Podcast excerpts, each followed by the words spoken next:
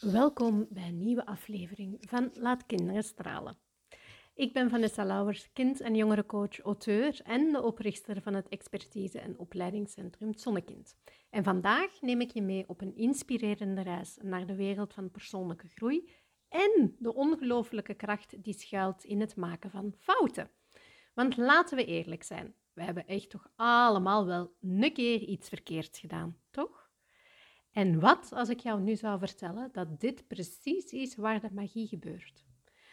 Om meteen de toon te zetten, wil ik heel graag een inspirerende quote delen van Thomas Edison. En misschien ken je hem, maar ik ga hem toch even zeggen. Ehm, ik heb niet gefaald. Ik heb gewoon 10.000 manieren gevonden die niet werken. En dat geldt natuurlijk niet alleen voor Edison, maar voor ons allemaal. En vooral ook voor onze kinderen en jongeren. Laten we eens kijken naar enkele voorbeelden uit het dagelijkse leven van kinderen en jongeren. Denk eens aan het moment waarop een kind misschien voor het eerst zonder zijwieltjes van, uh, op de fiets stapt. En in het begin gaat dat kind zeker een paar keren vallen, maar elke val brengt hem of haar een stap dichter bij dat fantastische moment waarop uh, ze kunnen rijden zonder te vallen en zonder die zijwieltjes. En een ander moment zou misschien kunnen zijn wanneer dat, um, een tiener een spreekbeurt houdt voor de klas. En het is heel normaal om nerveus te zijn en om zelfs een fout te maken tijdens het praten. Maar elke fout is eigenlijk een kans om te leren en te groeien. Een belangrijke factor daarbij is natuurlijk ook wel hoe onze omgeving reageert op de fouten die we maken. Hebben kinderen of hebben wij Foutenmaakruimte noem ik dat dan. Dat is dus de cruciale vraag. En dan moeten we dus die omgeving eens onder de loep nemen. Nu, een omgeving waar dat kinderen zich psychologisch veilig voelen, daar gaan ze veel sneller fouten durven maken, omdat ze weten dat ze niet beoordeeld, nog bespot of bestraft zullen worden voor die fouten. Ze gaan zich vrij genoeg voelen om vragen te stellen en om te gaan experimenteren zonder angst te moeten hebben voor negatieve gevolgen. Wanneer kinderen dus positieve ondersteuning ontvangen in plaats van negatieve kritiek, gaan ze ook meer geneigd zijn om van hun fouten te leren. Dat omvat natuurlijk ook het aanmoedigen van hun inspanningen, het benadrukken van wat dat ze al geleerd hebben, ook al zijn ze niet meteen succesvol, ook al lukt het misschien niet van de eerste keer dus. Indien het tegenovergestelde gebeurt, dus die negatieve kritiek, wel weet dus dat dit echt wel kan leiden tot uiteraard het ontstaan van faalangst, maar ook van perfectionisme. Nu, het volgende wat ik ga vertellen, daar ga ik mij misschien minder populair mee maken, of dat gaat je misschien niet zo graag horen. Maar kinderen leren vaak door te observeren wat dat wij volwassenen in de omgeving doen. Dus als kinderen volwassenen zien die op een positieve manier met fouten omgaan, gaan ze ook geneigd zijn om dat gedrag na te bootsen. Wat dat op zich super is. Dus stel je een situatie voor waarin een kind uh, en een volwassene bijvoorbeeld samen betrokken zijn met dezelfde activiteit. Uh, het uh, inkleuren van een tekening bijvoorbeeld. Ja? Dus het kind begint in te kleuren en op een bepaald moment schiet potlood of stift buiten de lijntjes. Oei oei, grote paniek. Hè? Nu, de volwassene die um, of mee aan het doen is of hè, op zijn minst in de buurt is, maar die misschien ook een beetje ongeduldig of zelfs gefrustreerd is, reageert op de fout van het kind door bijvoorbeeld een kind, uh, het kind uit te lachen of iets te gaan zeggen in de aard van je hebt het helemaal verpest nu, je tekening. Allee, dat ziet er nu toch niet uit.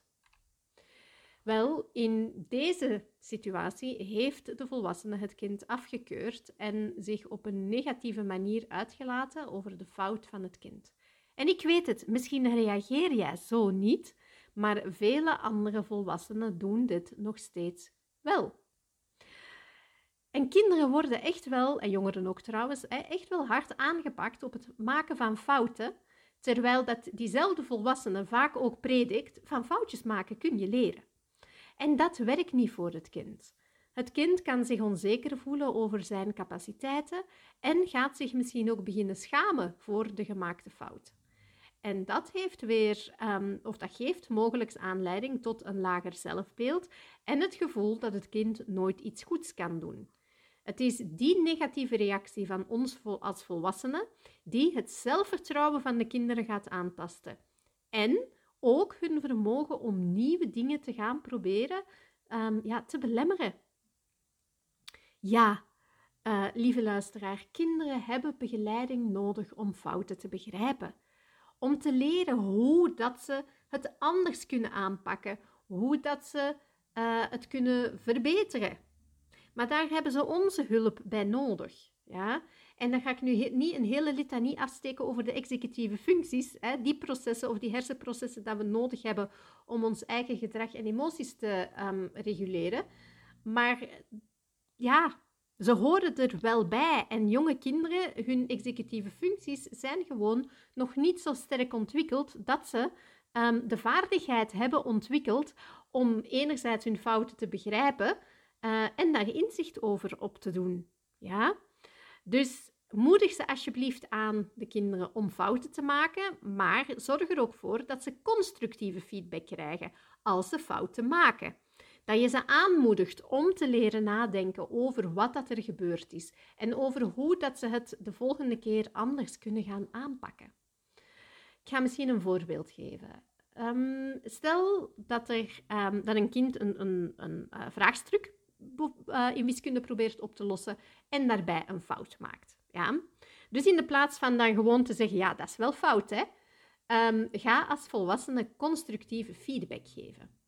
Je zou het kind ook bijvoorbeeld kunnen vragen hoe dat het tot dat bepaalde antwoord is gekomen en waarom dat hij denkt dat dit ook het juiste antwoord was. En dan zou je samen met het kind de fout kunnen gaan analyseren en bespreken waar de verwarring lag. Dus door een kind gewoon de boodschap te geven van hm, dit is fout, ja, daar heeft het kind niks aan. Dus help het. Um, hetzelfde als een kind um, Franse werkwoorden misschien verkeerd gaat uh, vervoegen. Ga ook eens kijken, wat is er misschien niet helemaal duidelijk? Um, waar heeft het misschien wat meer oefening nodig? Maar ga niet zomaar de fout op zich veroordelen zonder bijkomende informatie op een constructieve manier te geven. Um, help um, het kind door misschien nog eens te laten zien hoe dat, dat een bepaalde werkwoord op de juiste manier moet um, vervoegd worden. En ik weet het, uh, talen hè, leer je maar door te oefenen en alles. Dus ons spreekwoord, woord beter gezegd, oef, uh, oefening baart kunst, is zeker van toepassing. Maar in die oefening, hè, om tot die kunst te geraken, in die oefening zitten natuurlijk ook fouten. En moedig natuurlijk kinderen ook aan om het gewoon opnieuw te proberen. Um, het is op die manier dat een kind gaat leren dat fouten normaal zijn en dat die fouten kunnen dienen als leermomenten. Systematisch, stap voor stap gaan ze leren hoe ze hun denkproces kunnen verbeteren en hoe ze problemen effectiever kunnen oplossen. Constructieve feedback, want daar hadden we het over, hè, stimuleert natuurlijk ook kritisch denken en helpt kinderen om zelfstandig te leren en fouten in de toekomst um, te vermijden of anders te gaan aanpakken. Het belangrijkste echter is dat een kind zich gesteund voelt en zich niet afgewezen voelt vanwege fouten. Um, dus die constructieve feedback die heeft een positieve impact op zowel het zelfvertrouwen als de motivatie van het kind. Maken of kraken, zeg ik vaak. Hè?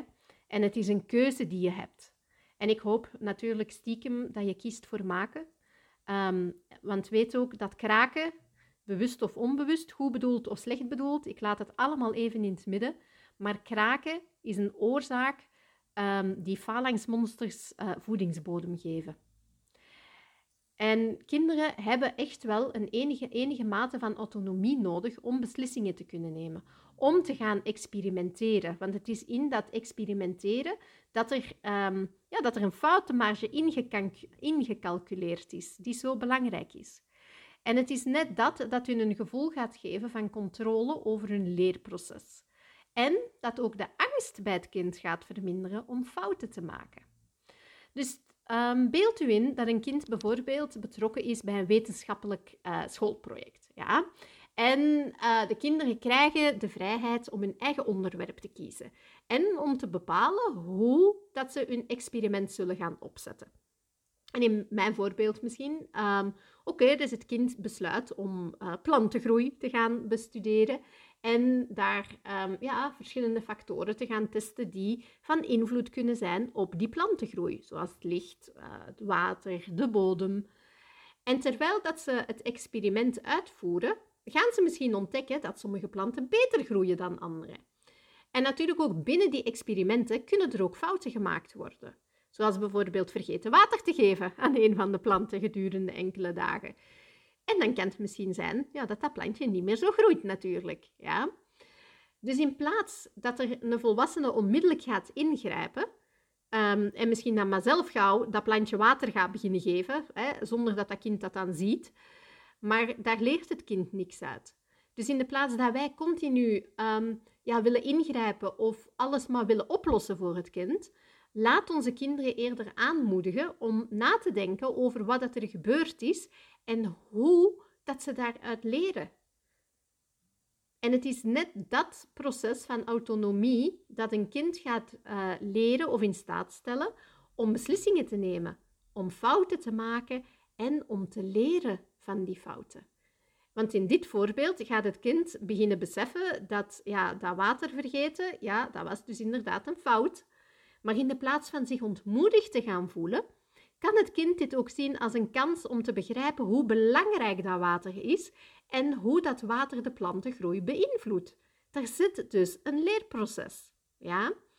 En de conclusie kan zijn dat het kind besluit om extra zorg te besteden nu misschien aan die verwaarloosde plant. Om te kijken um, ja, of dat er misschien toch nog een kleine groei zou kunnen komen. Nu, het kind leert in dit geval ook, doordat wij het als volwassenen niet opgelost hebben of niet aangepakt hebben, dat het ook, een, um, ja, ook verantwoordelijk is voor eigen acties en eigen beslissingen. En dat, lieve luisteraar, is een mega waardevolle levensvaardigheid um, dat we een kind kunnen meegeven. En nu, nu ga ik iets heel stouts suggereren. En misschien verdwijn ik wel in de zak van Zwarte Piet, maar ik neem het risico. Ja? Het idee van kinderen autonomie te geven en experimenteren om van fouten te leren, staat soms haaks op het traditionele onderwijssysteem, dat heel vaak nog gericht is op gestandaardiseerde beoordelingen en natuurlijk ook prestaties. Um, het huidige onderwijssysteem legt heel vaak de nadruk op cijfers, beoordelingen, gestandaardiseerde testen voor iedereen en dat kan leiden tot een hoge mate van prestatiedruk bij kinderen. Wat dat hun gaat tegenhouden om bepaalde risico's te nemen en angst om fouten te maken. Ook weer uit angst voor negatieve beoordelingen van anderen. Nu, als het gaat over prestatiedruk, um, als je daar graag je wat meer wilt in verdiepen, dan nodig ik je heel graag uit om een van de eerdere podcastafleveringen over prestatiedruk zeker eens te gaan beluisteren. Nu, in veel klassen hebben kinderen een beperkte autonomie en worden ze vaak gedwongen om te voldoen aan nogal rigide leerdoelen en leerplannen. Ja? En dat kan hun vermogen om hun eigen interesses te volgen en te gaan ontwikkelen en beslissing te leren nemen of hun, over hun leerproces echt wel gaan beperken. Ja? Ons uh, traditioneel systeem legt ook vaak de nadruk op het vinden van de juiste antwoorden en het vermijden van fouten. Dat is ook zoiets waardoor perfectionisme prima kan ontstaan. Hè? Um, maar het kan ook leiden tot een oppervlakkig begrip van de leerstof. En het gaat diepgaand leren uiteindelijk gewoon ontmoedigen. Nu, in sommige gevallen kunnen kinderen bang zijn voor straf hè? of negatieve gevolgen als ze fouten zouden maken. Um, door uh, sancties die misschien door de leerkracht worden gegeven of door de ouders, maakt niet uit. Hè? Um, maar het feit dat ze bang zijn voor die straf of die negatieve gevolgen als ze fouten maken, gaat ook weer hun bereidheid om nieuwe dingen te proberen belemmeren. Ja? Nu, om te voorkomen dus dat kinderen terughoudend zijn om risico's te nemen of fouten te maken, is het belangrijk, um, naar mijn mening, om een onderwijsomgeving of thuisomgeving ja, te creëren die fouten als kansen voor groei omarmt. En ik weet dat dat iets is wat dat niet zo mainstream is. Hè? Ehm, we zijn allemaal opgegroeid en het is, uh, we zijn bijna geïndoctrineerd op het maken van, of de angst op maken van fouten. Hè?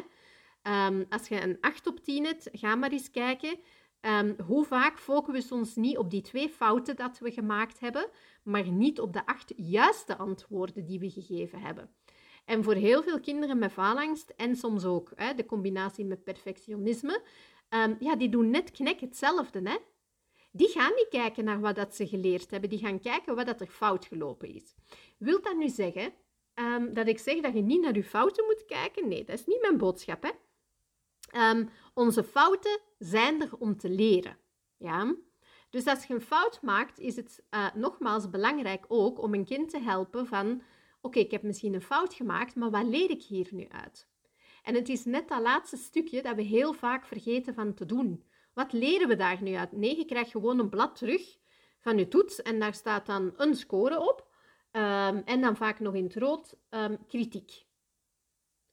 Maar op zich weet ik daar als student of als leerling niet echt iets mee. Wat wordt er nu van mij verwacht? Als ik wist wat het juiste antwoord was, dan had ik dat echt wel ingevuld hoor. Maar ik weet het niet. Daarom dat mijn antwoord ook fout was. Dus waar, zit, ja, waar kan ik dan leren? En um, feedback geven als in de zin, je moet maar wat meer oefenen, dat is ook niet altijd de oplossing. Dus er is een klein beetje meer communicatie nodig um, naar en met het kind om te gaan kijken van, oké, van waar komt die fout nu ook? Want misschien zit er, als het over wiskunde bijvoorbeeld zou gaan, misschien zit er gewoon een fout in het denkpatroon. En zolang als dat kind dat denkpatroon, mede dankzij uw hulp, niet kan omdraaien, gaat het keer op keer op keer op keer dezelfde fouten beginnen maken. Goed, tot zover mijn pleidooi. Um, goed, eens even kijken. Um, ik zal jullie misschien graag nog drie tips geven. Ja? Om vooral een omgeving thuis en in de klas te gaan creëren waarbij dat fouten als kansen voor groei worden gezien. Ja? En een eerste stap daarin is namelijk dat je kinderen leert en jongeren hè, dat fouten een normale en waardevol onderdeel zijn van hun leerproces. En niet alleen een cognitief leerproces, hè, gewoon het leerproces van het leven. Ja? Heel ons leven is trouwens een heel leerproces. Ja? Dus moedig hen aan om fouten te zien als kansen, om te leren, om te groeien. Bespreek samen het belang van fouten en hoe dat die fouten kunnen leren tot verbetering. Ja? Je zou misschien ook eens het verhaal kunnen vertellen van de beroemde uitvinder, zoals Thomas Edison, hè, met de gloeilamp, um, die duizenden keren faalde voordat hij de gloeilamp um, aan de praat kreeg. En nog een geluk dat hem heeft volgehouden. Hè? Uh, want anders, God weet hoe dat we uh, hier dan uh, ja, nog zaten hè, om te lezen. Nu, benadruk daar ook weer dat fouten dus deel uitmaakt van het leerproces. En dat falen en mislukken toch niet helemaal hetzelfde zijn. Moedig kinderen zelfs aan om hun fouten te delen en te bespreken wat ze ervan geleerd hebben. Um, ik ken leerkrachten, ook uit uh, uh, opleidingen rond faalangst, die een uh, foutmuur of een foutenmuur hebben geïnstalleerd in de klas. Hoe heerlijk is dat? En natuurlijk, ja, dat vraagt omdenken, want dat zijn we niet gewoon in onze maatschappij. Hè? Om voor je fouten te durven uitkomen. Oh my god. Oei, oei, wat gaan de anderen dan wel niet denken? Maar dat is net de moed, dat is net moed en durf en daadkracht voor nodig om dat wel te doen.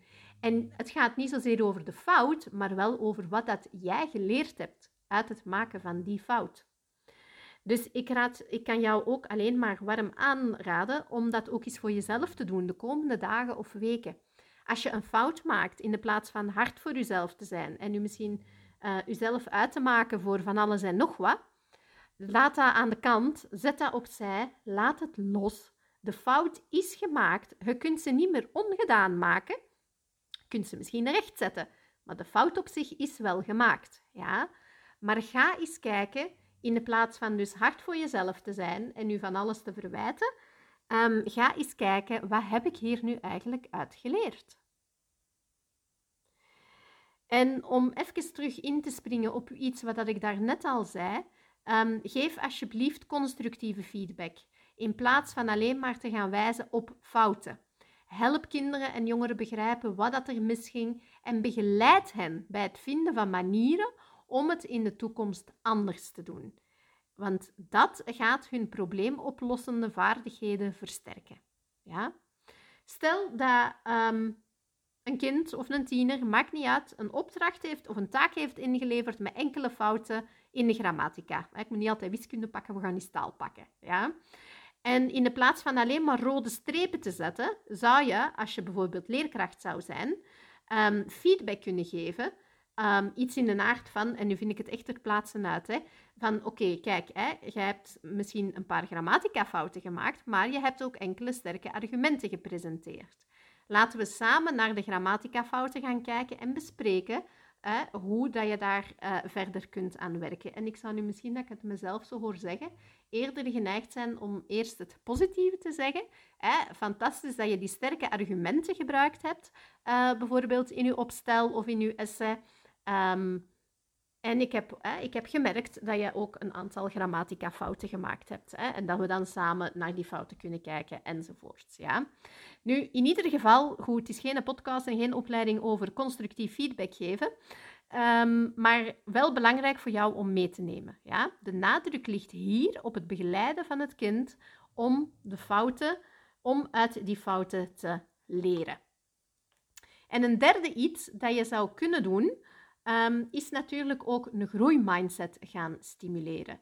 Waarbij dat kinderen en jongeren geloven dat hun intelligentie en vaardigheden, beter gezegd, kunnen groeien door inzet, maar ook door oefening. Benadruk het belang van inspanning, benadruk het belang van doorzettingsvermogen, in plaats van alleen te focussen op het behalen van de juiste antwoorden. Ja? Um, want natuurlijk, zo gaan er ook kinderen hebben. Ik noem dat dan papegaaienwerk, die goed zijn in papegaaienwerk. Ik was ook zo een. Ik kan alles van buiten leren en uh, nazeggen. Ik hoef het niet eens te begrijpen. Nu zou je kunnen denken dat dat een gave is. Dat is een hele dubbele. Um, want uiteindelijk zegt dat um, niks. Het, het, enige wat dat zegt, is dat ik uh, papegaaienwerk kan verrichten. Maar of dat ik het echt begrepen heb en of dat ik het dan misschien achteraf later ook echt ga kunnen toepassen, dat is een andere vraag. Ja? En dat gaat je natuurlijk niet weten als je alleen maar naar de resultaten en naar de punten um, gaat kijken en niet zozeer gaat proberen te achterhalen wat dat er achter de fouten zit. Ja? Um, dus ook als een kind systematisch misschien dezelfde fouten blijft maken of blijft struggelen met een bepaald soort vraagstuk bijvoorbeeld, dan is het oké om de boodschap te geven: het is prima als je het nog niet begrijpt. Het betekent gewoon dat jij nog aan het leren bent. Oké, laat ons misschien eens samen kijken. Ook hier ligt dan weer de nadruk hè, eerder op het proces van leren en op de inspanning, eerder dan alleen maar dat eindresultaat. Voilà. Ehm, ik zou daar nog heel wat dingen kunnen over zeggen. Ik ben al langer bezig dan dat ik initieel in gedachten had, zie ik. Ehm, maar goed, ik stel voor dat dit ons aan het einde brengt van deze aflevering uh, van Laat Kinderen Stralen podcast hè, over de kracht van fouten. En ik hoop dat je al hebt kunnen inzien dat fouten niet alleen onvermijdelijk zijn, maar ook echt wel een waardevolle kans bieden voor groei en ontwikkeling. En het is mijn doel om die inzichten te verspreiden en natuurlijk ook hopelijk anderen te kunnen inspireren om hetzelfde te doen. Dus als jij genoten hebt van deze aflevering en als je gelooft dat de boodschap waardevol is, moedig ik of wil ik je heel graag vragen um, om deze podcast te delen met vrienden, met collega's, met familie. Um, of iedereen in je netwerk waarvan dat jij denkt dat hij er wel eens baat zou bij kunnen hebben. Samen kunnen we echt wel een beweging uh, tot stand laten komen waarin fouten niet zozeer gevreesd worden bij de kinderen, maar dat ze het echt gaan zien als de stappen op weg naar hun succes. En als je wilt weten welke fouten ik wel al eens gemaakt heb, dan nodig ik jou heel graag uit om mee te doen aan het gratis Faalangst Survival Bootcamp. Meer informatie en hoe dat je kunt registreren hiervoor uh, vind je via onze website www.zonnekind.com schuine streep faalangst streepje survival streepje bootcamp. En voor nu, dank je wel voor het luisteren en ik hoop je snel weer te verwelkomen in een volgende aflevering van de podcast Laat Kinderen Stralen. En vooral blijf nieuwsgierig en blijf fouten maken.